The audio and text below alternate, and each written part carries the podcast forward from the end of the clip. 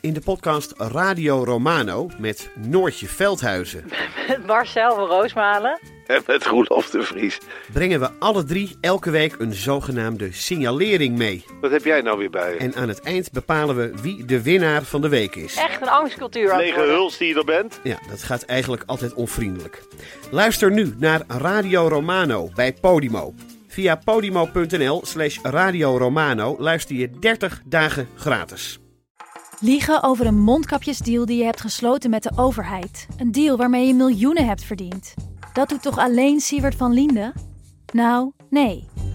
Ik ben Felicia Alberding en in de Mondkapjesmiljonairs duik ik met een team van correspondenten in andere schandalen. Want wist je dat Siewert helemaal niet uniek is? Luister de Mondkapjesmiljonairs in je Podimo-app. Of ga naar podimo.nl slash mondkapjes. En probeer Podimo 30 dagen. podimo.nl slash mondkapjes. Hallo, vanaf de redactie van de Groene Amsterdammer is dit uw wekelijkse podcast. Ik ben Kees van der Bos. You're listening to the Beat Radio live from Reconnect. I love the vibe here. A lot of people. There's a big circus tent here. It's like a proper festival. Making impact by reconnecting again. Love to see this. Goed, we beginnen lekker hip vandaag. Bij dit geluid moet u zonnige beelden voor u zien van mooie jonge mensen in mooie kleren. Die aan het connecten zijn met elkaar. Of op 50 meter hoogte in een bar een glaasje drinken met Victor, de barman van First Dates. Het leven lacht ze toe, deze jonge consultants op de dag van organisatiebureau Deloitte. Vorig jaar zomer. Laat ze lekker, zou je kunnen zeggen. Het kan toch geen kwaad? Ofwel, Carlijn Saris en Or Goldenberg, de eigen jonge talenten van De Groene, doken erin. Lees hun verslag deze week in De Groene. En nu zitten ze hier. Dag Carlijn, dag Or. Hoi. Eh, jonge talenten van De Groene. Ja, Carlijn, ik hoor net dat jij eh, eh, dat sinds gisteren niet meer bent. Want je hebt een Ja, andere baan, hè? Eh, in elk geval voorlopig een andere baan. Ja. En Or, jij bent fellow bij De Groene. Ja, nu ben ik onderzoekstrainee ondertussen. Oh, en wat, Sinds januari. dat betekent dat je de masterclass Nee, eh, het is vanuit het Fonds Bijzondere Journalistieke Projecten. Ah, Dat ik dan twee jaar voornamelijk ga richten op onderzoek. oké. En ge- bij De Groene mag je Bij De. Groene, ja. Ja. Ik heb dat eerst twee jaar gedaan en nu dat wordt twee jaar. Goed. Ehm, dat brengt me meteen, wat is het verschil? Als ik jullie jonge talenten noem, of ik had, had ik jullie ook jonge consultants van De Groene mogen noemen? Oeh, goeie vraag. Ik denk wel, we hebben het hier wel vaak samen over gehad, dat er wel, wil ik niet op de zaken vooruitlopen, overeenkomsten zijn tussen consultants en journalisten. Ja. En waar we het dan voornamelijk veel over, over hebben gehad, is dat wij ons wel generalisten voelen. Ja. Eh, je duikt overal kort in. Een verhaal van een paar maanden is al lang. Eh, en dan ga je weer door naar het volgende. ja. En dat is eh, in grote lijnen ook wel de overeenkomst met consultants. Ja, klopt. En in feite gooien wij vaak ook ons verhaal over de schutting. En eh, vaak komt er geen vervolg en zie je ook niet wat er gebeurt met wat je hebt geschreven. En Ja. dat is ook een overeenkomst met het werk van consultants. Ja. En natuurlijk heeft het ook leuke overeenkomsten. Dus de variatie, de snelheid, eh, de uitdaging. En dat zijn allemaal dingen die ook wel buzzwords zijn bij de consultancy. En we zijn natuurlijk ook ongelooflijk jong en ambitieus. Vooral dat. En eh, de, even voor de, voor de luisteraar de stemmen uit elkaar halen. Die laatste was Carlijn en daarvoor, dat was Oor die u hoorde. Ehm, eh, waarom zijn jullie geen jonge consultants geworden eigenlijk? Heb je ooit die verlokking gevoeld? Nou, dat hebben we ons gedurende het interview af te- afgevraagd. Oor, ik denk dat jij het dichtst in de buurt bent gekomen van de consultancy. Ja, klopt. Maar een hele andere soort consultancy. Dus ik heb tijdens mijn master ehm, in Intelligence en International Security een consultancyvak gevolgd. Waarin ik advies heb gegeven aan de Britse luchtmacht. Dat vak heette ook consultancy. Nee, het he- heette Hacking for Defense. Oké. Nou ja, in ieder geval geen waarom- reclamepraatje voor dat vak. Maar waarom noem je dat een consultancyvak? Want in feite deden wij een consultancyproject. We moesten ons onderwerpen aan eh, ja, een onderwerp waar we nog niet zoveel van afwisten. Wel in de defensiesector en dat is ook mijn achtergrond. Ja. Ehm, en binnen een paar weken moesten wij advies geven hierover. Ehm, door veel mensen te interviewen, eh, veel te lezen. Dus dat was enerzijds heel erg leuk, uh, maar het is wel een andere soort consultancy dan waar wij het over hebben. Want dit was heel specifiek en niet zo generalistisch ja. als uh, de grote kantoren doen. Ja. Ik denk dat tegelijkertijd ook wel voor een deel de aanleiding is geweest van dit stuk. Want ik heb dus geneeskunde gestudeerd en voor mij is het een hele onbekende wereld. Ik ken niemand die de consultancy in is gegaan vanuit mijn vak. En er wordt ook vanuit onze studie niet dat is geen logische stap. En bij Oorschat is wel heel dichtbij gekomen. Dus daar kwamen eigenlijk van ons twee kanten twee fascinaties bij elkaar. Dus voor mij was het echt van waarom gaat ineens iedereen om mij heen uh, de consultancy in? En voor jou was het eigenlijk van nou ja, ik zie dat best wel vaak gebeuren en ik weet wel een beetje hoe dat werkt. Want dat is wel een ervaring. Iedereen om mij heen gaat de consultancy in. Vooral in mijn wereld, denk ik. Um, ja, best wel veel mensen gaan de consultancy in. En wel echt verschillende kantoren en met verschillende achtergronden. Maar mensen die ik nog ken van mijn studie, vooral van mijn bachelortijd in Groningen. Ja. Veel daarvan zijn consultants. Ja. ja. Zijn het aardige mensen? Hele leuke mensen. Ja, we hebben ook echt hele leuke interviews gehad. Um, het zijn gewoon hele vlotte, ambitieuze mensen die heel enthousiast zijn over wat ze doen over het algemeen. Um, daar is niks mis mee. ja. Nee, waar is dan wel iets mis mee? Daar gaan we het zo over hebben. Laten we even dan nog een paar van die jonge mensen zelf horen. Op, een, uh, op de site van McKinsey vond ik... Uh, oh, en ik heb het gemixt met een uh, Rotterdamse docent aan de Strategic Management opleiding. luister. McKinsey, ja, het is een beetje een, een cliché, maar het is voor mensen die op zoek zijn naar een uitdaging en uh, zichzelf willen door blijven ontwikkelen. Strategic management students are actually very fortunate. Uh, they find the job relatively quickly. And what is interesting is that they right away they get the highest salary from all the master programs at RSM. So this is an amazing investment just by choosing this program. The world is basically open for them. Ik heb in mijn eerste jaar in chemicals gewerkt. Ik heb banking gedaan. Ik heb ook olie en gas gedaan. Wat exact is waar ik naar op zoek was. Ik vond het veel meer eigenlijk sociaal en, veel toegankelijker dan ik had gedacht. Plus dat, dat het niveau waarvan je denkt dat je, waar, waar je aan moet voldoen, dat dat eigenlijk goed te doen is. Goed, die mevrouw die in het Engels zei dat the world is open to them, is, uh, was Anna Nadolska, directeur van de opleiding voor strategisch management aan de Erasmus Universiteit Rotterdam. Ik denk dat er weinig kinderen in hun bedje liggen te dromen dat ze later strategisch manager willen worden. Maar dat verandert dus als je zo uh, rond de twintig uh, en in je opleiding verder bent, dan wordt dat eens heel aantrekkelijk. Financieel, je moet een slimmerik zijn. Um, nou, laten we het maar dan bij de kop vatten. Wat is er dan mis mee? Um, nou, uh, even denken. Hoe gaan we dat uitleggen? Um, nou, zo, we halen in ons stuk vaak uh, het boek van Matsukato en Collington aan. Uh, ja. Ze hebben een boek geschreven waarin ze eigenlijk fundamentele kritiek uiten op de consultancy. wij hebben dat wat meer toegespitst op jonge consultants. En ik denk dat wij wel hetzelfde kunnen stellen als zij. Namelijk, ons stuk is geen kritiek op de consultants, maar op de consultancy-industrie. Uh, ja, want het is een geweldige grote industrie. Het is enorm groot en het wordt ook steeds groter. En steeds meer bedrijven en overheden leunen ook op consultancies. Ja, Zo'n 800 miljoen dollar per jaar. 800 miljard. Miljard. Miljard ja. dollar per jaar. Onvoorstelbaar groot. Het is een gigantische industrie. Ja. Um, en wat je dus in grote lijnen kunt constateren is dat um, wat consultancies eigenlijk doen, is zij mengen zich in de top van bedrijven en overheden om daar advies te geven in de bovenste laag van het bedrijf. Over uh, transities vaak. Um, wat bedrijven dus vaak doen, is die consultants, externe consultants inhuren. Maar wat er dan gebeurt, is zij, ze komen kijken van buitenaf. Ze geven advies en ze zijn vaak daarna ook weer weg. Hm. En het bedrijf blijft zitten met een rapport van, nou ja, ik zou uh, route A nemen of route B. Of ik zou er 300 mensen uitgooien. Of uh, ik zou mijn bedrijf verplaatsen naar uh, Indonesië als ik jou was. Um, ja, en, en eigenlijk is er vanuit het bedrijf zelf helemaal geen kennis of kunde of strategie aan te pas gekomen. Ze huren externe partijen in. En dat is ingewikkeld als je dat op de lange termijn continu blijft doen. Dat het eigenlijk de kennis van binnen in dat bedrijf of in zo'n overheid uitholt en verdwijnt. Ja, ja, dat overheid zeg je nu even by the way, maar daar lijkt het mij persoonlijk nog veel ernstiger. Dat overheden doen het ook op grote schaal. Weet je wat, laten we even naar uh, Mariana Matsukato luisteren, want dan wordt dat ook duidelijk en dan vertelt ze daar ook over. En dan horen we ook even hoe zij dat zegt. So what's interesting is if you look at kind of a more conservative, in quotes, neoliberal government, you might intuitively think they want to reduce state investment and bring in the private sector, both through privatization, but also consultification of government. So the, that figure you just mentioned from six to 246 million is part of that. But then there's two questions. One, the one you just said, that costs a lot of money. So in terms of actual expenditure by the state, it didn't necessarily reduce it. But was that really the point of Thatcher's government? I would argue no.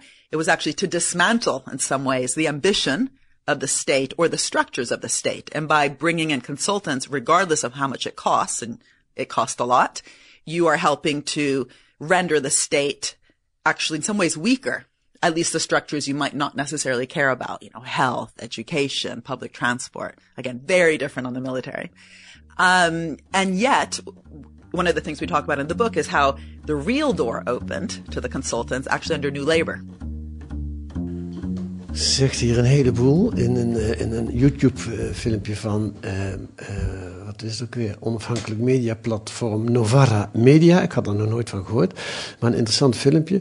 Uh, nou, laten we eerst die cijfers vaststellen die zij zegt. Zij zegt onder Thatcher, van, die was van 1979 tot 1990 premier, is de uitgave van de Britse overheid aan consultants gegroeid van 6 miljoen naar 246 miljoen pond. En dat is 30 jaar geleden en nu is het nog vele, vele malen hoger. Maar, en zij zegt dan intuïtief, klopt dat met je idee van uh, neoliberalisme? Mensen die een kleinere overheid willen, die doen, zullen het wel doen. Maar, zegt ze dan even in, die, in de laatste uitsmijter van dit uh, citaat, onder New Labour was het nog veel erger. Um, maar waar ik eerst op door wil gaan is wat jij in feite al aangaf, Carlijn, is wat Marianne uh, Matsukato hier ook zegt. De overheid wordt in feite dommer. Door die, uh, uh, oh, jij mag ook zeggen hoor. Waarom? Nou, wat wij dus veel zien is dat veel mensen een soort van tweestrijd hebben na ze pas zijn afgestudeerd. Wat ga ik met mijn kennis doen en mijn kunde? En veel mensen zien dan de consultancy als toch aantrekkelijker dan de overheid. Waardoor de overheid toch wel die capaciteiten een beetje misloopt.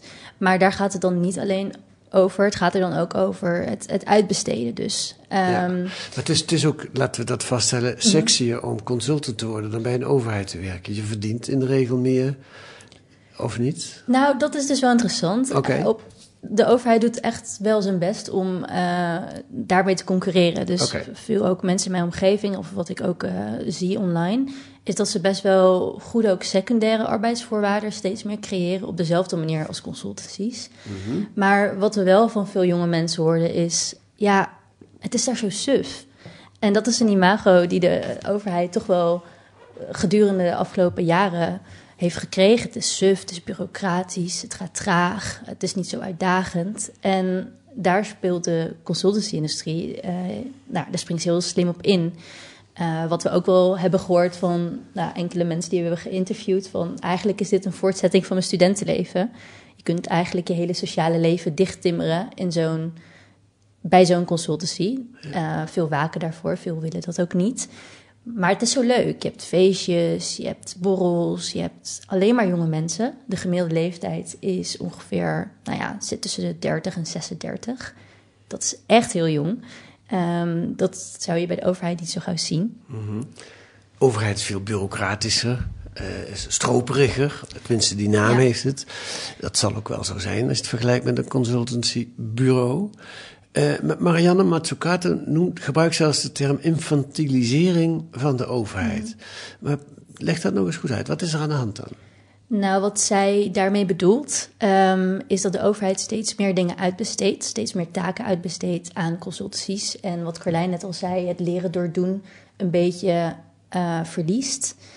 En het is logisch dat sommige bedrijven of kleine overheidstakken niet alle capaciteiten in huis hebben, zoals accountancy of uh, advocaten of advocatuur.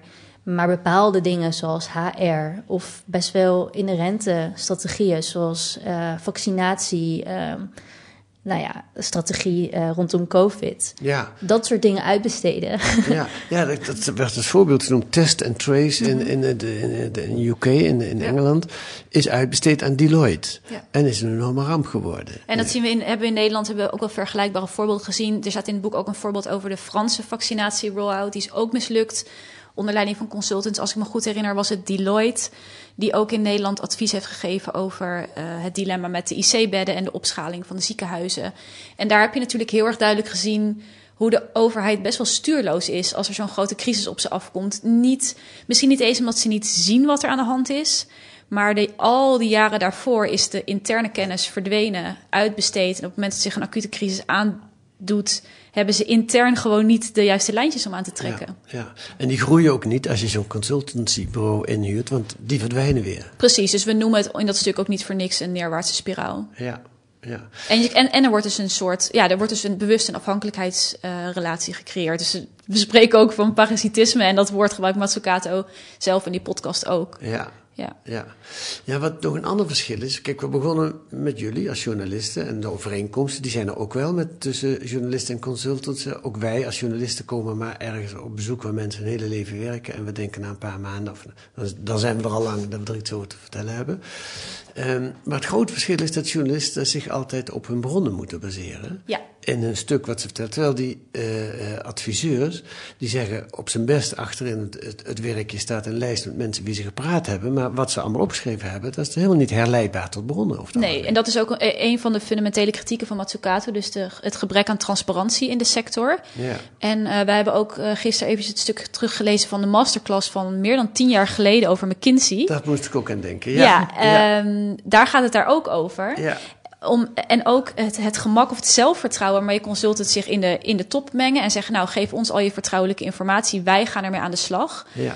Uh, zelf dus ook niet per se expert zijn in dat bedrijf, maar wel uh, op een gegeven moment de slag maken en zeggen: Nou, wij hebben het eens even aangehoord. Dit is hoe, hoe je het het beste kan doen. Punt. Ja. En dat is natuurlijk wel een fundamenteel verschil met journalisten die eigenlijk spreekbuis zijn. Ja. En daar niet zelf het laatste woord in voeren. Nee, en je moet zeggen waar je informatie vandaan hebt. Ja. Wie wat zegt. Ja. Ik herinner me dat we jaren geleden, nog langer dan die tien jaar geleden, over McKinsey bij Argos een onderzoek hadden. En hadden we een aantal uh, conceptrapporten van adviesbureaus in handen gekregen. En die vergeleken we met de eindrapporten. En, er kon bijvoorbeeld over een gemeentelijk conflict gaan waar de burgemeester en de gemeentesecretaris onder vuur lagen. En dan was in het conceptrapport de burgemeester toch de grote schuldige. Uh, en in het eindrapport ineens de gemeentesecretaris. En het enige wat er in de tussentijd gebeurd was, was dat er een gesprek was geweest over dat conceptrapport met de opdrachtgever. En dat kan allemaal bij zo'n rapport. Je kan best de conclusie op het eind. Het hele rapport kun je intact laten en dan op het eind een andere conclusie schrijven. Nou, dat is natuurlijk ook best ingewikkeld, want je kunt je afvragen hoe objectief zo'n advies kan zijn als je eigenlijk werkt voor een klant. Dus een klant vraagt jou een, bepaald, een bepaalde strategie uit te denken. Maar als je je strategie aflevert en de klant zegt: Ja, sorry, maar dit is helemaal, dit is helemaal niet wat ik mijn werknemers wil vertellen. Ja. Ja, wat doe je dan? Ja. Schaaf je het bij of laat je het zo? En dat is natuurlijk een hele hele rare dynamiek. Ja. En dan komt er natuurlijk ook nog een factor bij dat vaak klanten um, ook op een bepaalde manier contacten hebben bij uh, strategiekantoren of um, accountancykantoren, omdat ze daar zelf hebben gewerkt. Uh, ja. Ja. Daar prijzen ze zichzelf ook mee aan, de piramide. Veel jonge mensen. En na een paar jaar gaan ze over het algemeen weg, tenzij ze door willen groeien in het bedrijf, maar dat gebeurt minder.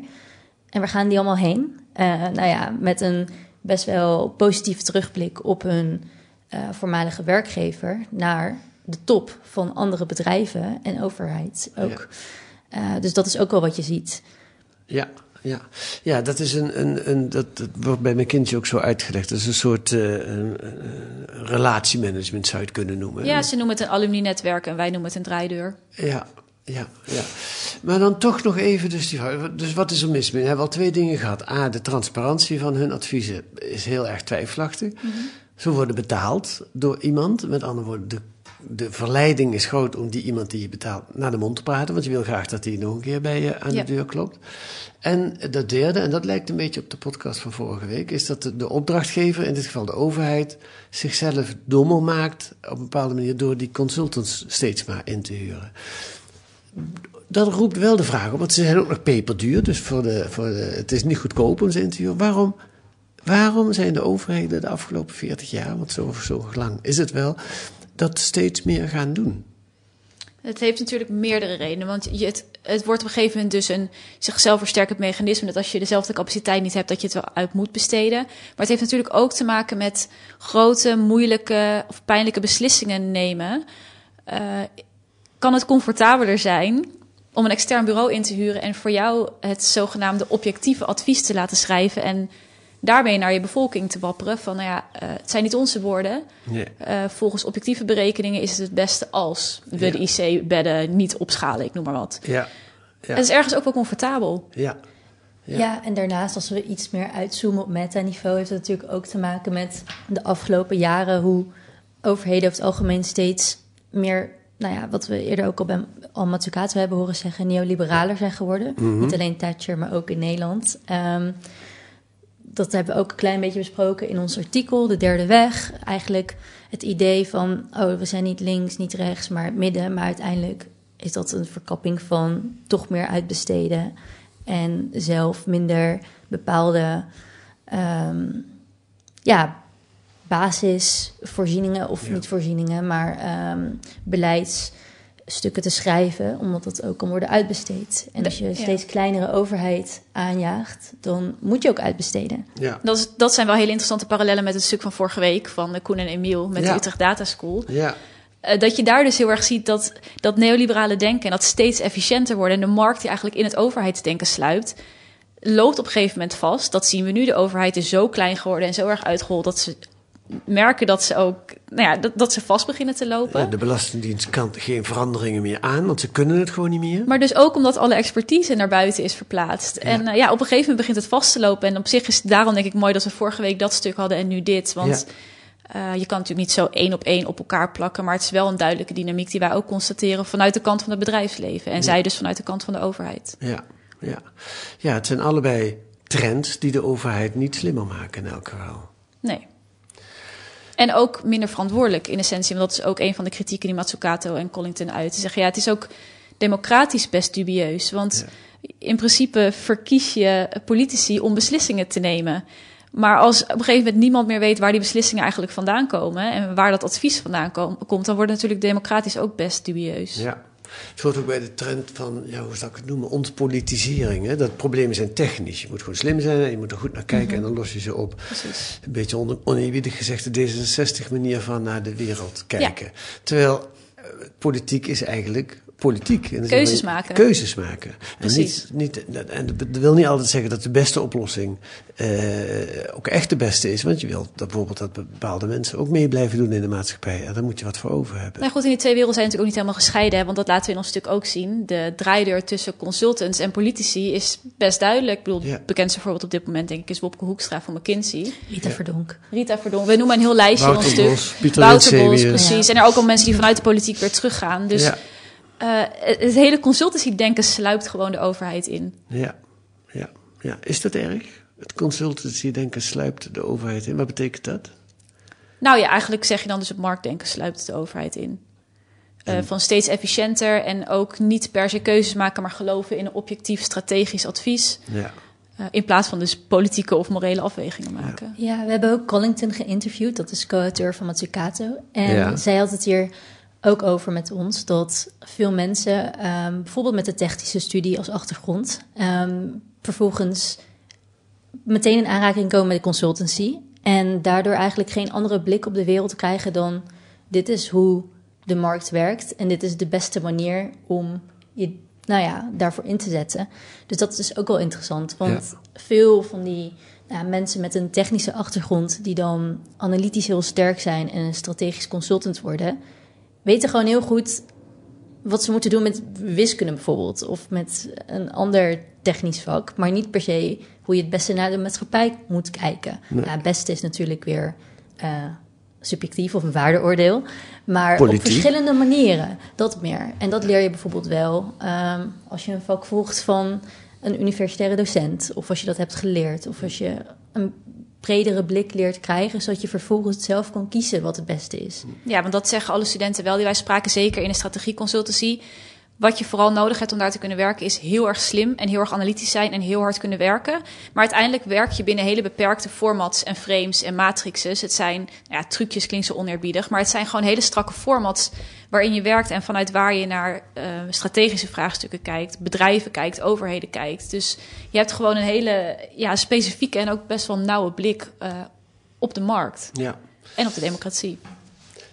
Er komt nog iets bij. Je noemde het zelf dat stuk van tien jaar geleden over McKinsey. Dat was van de masterclass toen een heel groot eh, stuk in de Groene. En wat ik me daar nog van herinner, ik heb het niet net als jullie gisteren gelezen, maar wat ik me nog van herinner was het secteachtige wat, mm wat uitsprak. Eh, wat ook heel moeilijk was om dat artikel te maken, omdat het heel moeilijk was om mensen te vinden, ex, zelfs ex-McKinseyanen, die daarover wilden spreken.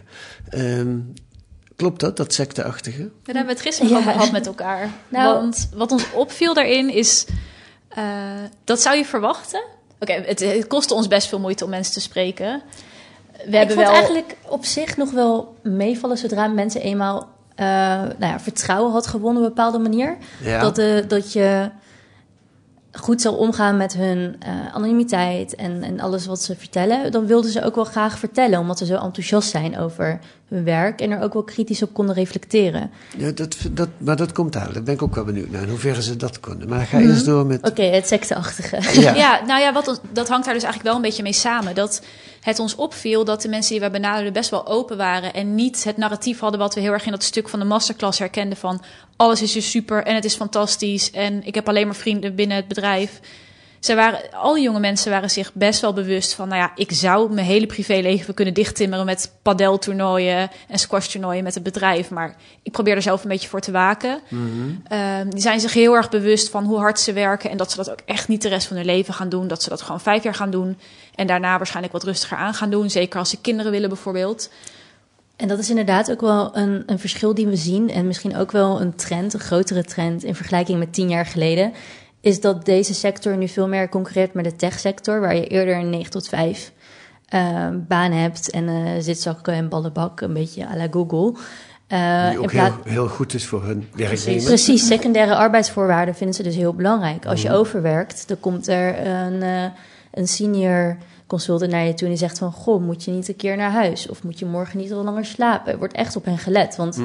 het is ook een krappe arbeidsmarkt op dit moment. Als er een consultant uitvalt, dan heb je een probleem. Dus ze zijn ook heel erg bezig met... nou, we hebben van iedereen haast wel gehoord van... ja, een work-life coach, work-life balance coach... en allemaal bezig met mental health en nou, eigenlijk alles wat ook nu meer onder jongere generaties, millennials, Gen Z speelt. Van het is belangrijk om een, een balans te vinden en je niet alleen maar te verliezen in werk.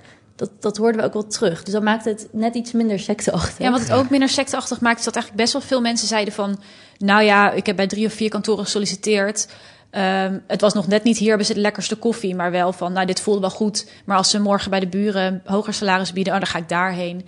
Dus die loyaliteit aan, aan dat bedrijf leek er bijna tegenovergestelde. Het is echt een beetje de blik van, ja, al die kantoren doen eigenlijk min of meer hetzelfde. Mhm. We hebben ze ook vaak expliciet gevraagd naar de verschillen Heb je ook tussen met, die bedrijven. Heb je gesproken? Nee, dat niet. Dat is het enige, enige bedrijf waar we niemand hebben gesproken. Dus het zou kunnen zijn dat dat echt nog heel specifiek een soort kleine niche in dat bolwerk is. Ja. Dat zou kunnen, maar, maar then again hebben we ook van anderen niet gehoord als we daar naar vroegen van, oh maar McKinsey is echt something else. Dat is echt. Uh, nee, nee. Dus er, we kennen wel mensen die daar bijvoorbeeld gesolliciteerd hebben en ook hebben gezegd van, ja ik was ook aangenomen bijvoorbeeld, maar ik vond het bij BCG gezelliger.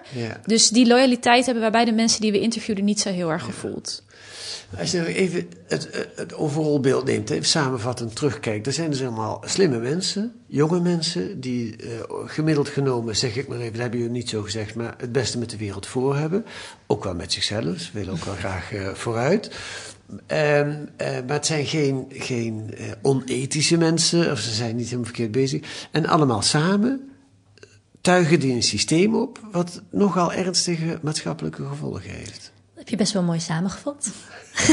dat heeft iets tragisch, hè? iets van een Griekse tragedie. Iedereen doet zijn best en het, en het eindresultaat is, nou verschrikkelijk wil ik niet zeggen, maar misschien wel, is erg in elk geval. Ja, ja de, de Griekse tragedie is ook wel voorbijgekomen in de manier waarop we over ons stuk hebben gepraat. Omdat um, ons stuk is ook dus bewust geen kritiek geen specifieke kritiek op die jonge mensen die beslissen de consultancy in te gaan. En ik denk ook dat het goed is geweest voor ons stuk, of in ieder geval relevant, dat wij met z'n tweeën uh, ongeveer dezelfde leeftijd hebben als de mensen die we hebben geïnterviewd. Dus we begrijpen ook heel goed de afwegingen die zij maken op de arbeidsmarkt. We kennen het gevoel van, nou ja, uh, je bent intelligent en de wereld ligt aan je voeten. Uh, maar wat ga je doen? Wil je je al ergens op vastleggen of niet? En er worden je gouden bergen beloofd. En na vijf jaar ben je nog veel meer waard. Dus al die afwegingen begrepen wij ook. Dus vandaar ook dat we in dat stuk op een gegeven moment de vertaalslag hebben gemaakt naar enerzijds heb je de jonge mensen en hoe zij worden gelokt.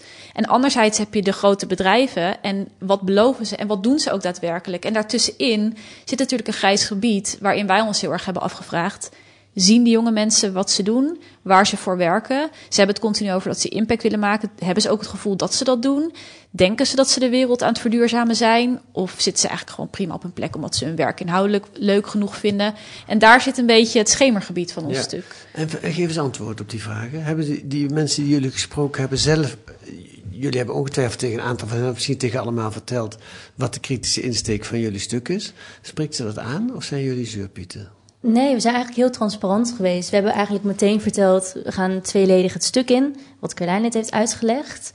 En het verschilde heel erg. Sommigen um, waren het op zich wel met ons eens. Die zagen ook wel dat wat zij deden niet uh, de manier is om de wereld te verbeteren. Um, maar anderen vonden dat ze binnen een specifieke tak, binnen zo'n consultancy, waar al gauw 5000 mensen werken, dus dan heb je een duurzaamheidstak met zo'n 200 mensen Um, dat ze daar het gevoel hadden wel echt veranderingen te kunnen maken. Of um, specifiek iemand die een bepaalde master had gedaan, wat een andere kijk had uh, op, uh, op HR.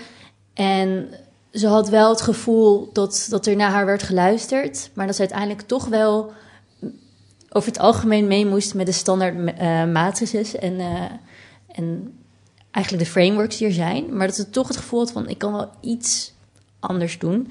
Uh, wat we ook wel veel hoorden waren mensen die zeiden ja, maar op zich moeten we ook uh, bepaalde bedrijven helpen. Want als wij het niet doen, van, of het, zo hebben wij nog een soort van impact van binnenuit, dan gaat het al helemaal niet gebeuren. Dus we hoorden wel heel veel verschillende manieren waarop ze voor zichzelf probeerden uit te leggen waarom wat ze deden.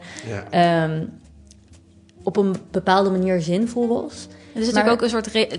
dat is het tragische aan een soort relatieve impact. Want uh, de, het verhaal van een van de vrouwen die wij spraken, die inderdaad in een soort duurzaamheidstak van een groot consultiekantoor werkte, zei ze ook van.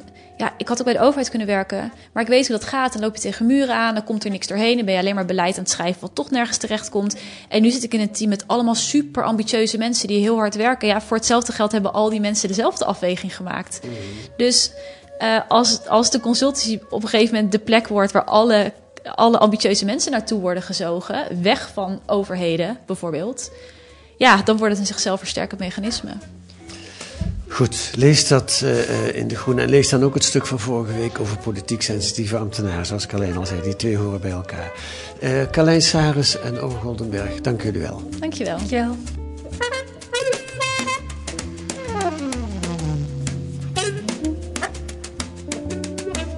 Wat staat er nog meer in De Groene deze week? Een portret van het CDA, de partij die aan de vooravond staat van misschien wel een historische verkiezingsnederlaag. En toch hangt rond de Tweede Kamerfractie een eigenaardig soort optimisme. Een nieuwe, meer christelijk-sociale koers wordt daar in de grondverf gezet. Met als grote vraag, eh, past Wopke Hoekstra daar wel bij als partijleider? Nou, ik kan altijd nog terug naar McKinsey. En een onderzoek naar de droogtemaatregelen van waterschappen. Die blijken door de landbouwlobby voortdurend, voortdurend weggelobbyd te worden. Lees dat in De Groene. Met een abonnement of een proefabonnement. Ga dan naar groene.nl. Daar leest u hoe u 10 weken De Groene kunt krijgen voor 15 euro. Groene.nl. Wilt u reageren op de podcast, dan kan dat per mail podcast.groene.nl is ons adres. U mag ons ook sterren geven in de podcast-app of een korte recensie. Dan krijgen we nog meer luisteraars. En volgende week zijn we er weer met analyses en achtergronden bij het nieuws in deze podcast van de Groene Amsterdammer. Die deze week werd gemaakt door Anna Stibbe en Kees van der Bos. En de muziek is het Tune for N van Paul van Kemenaar.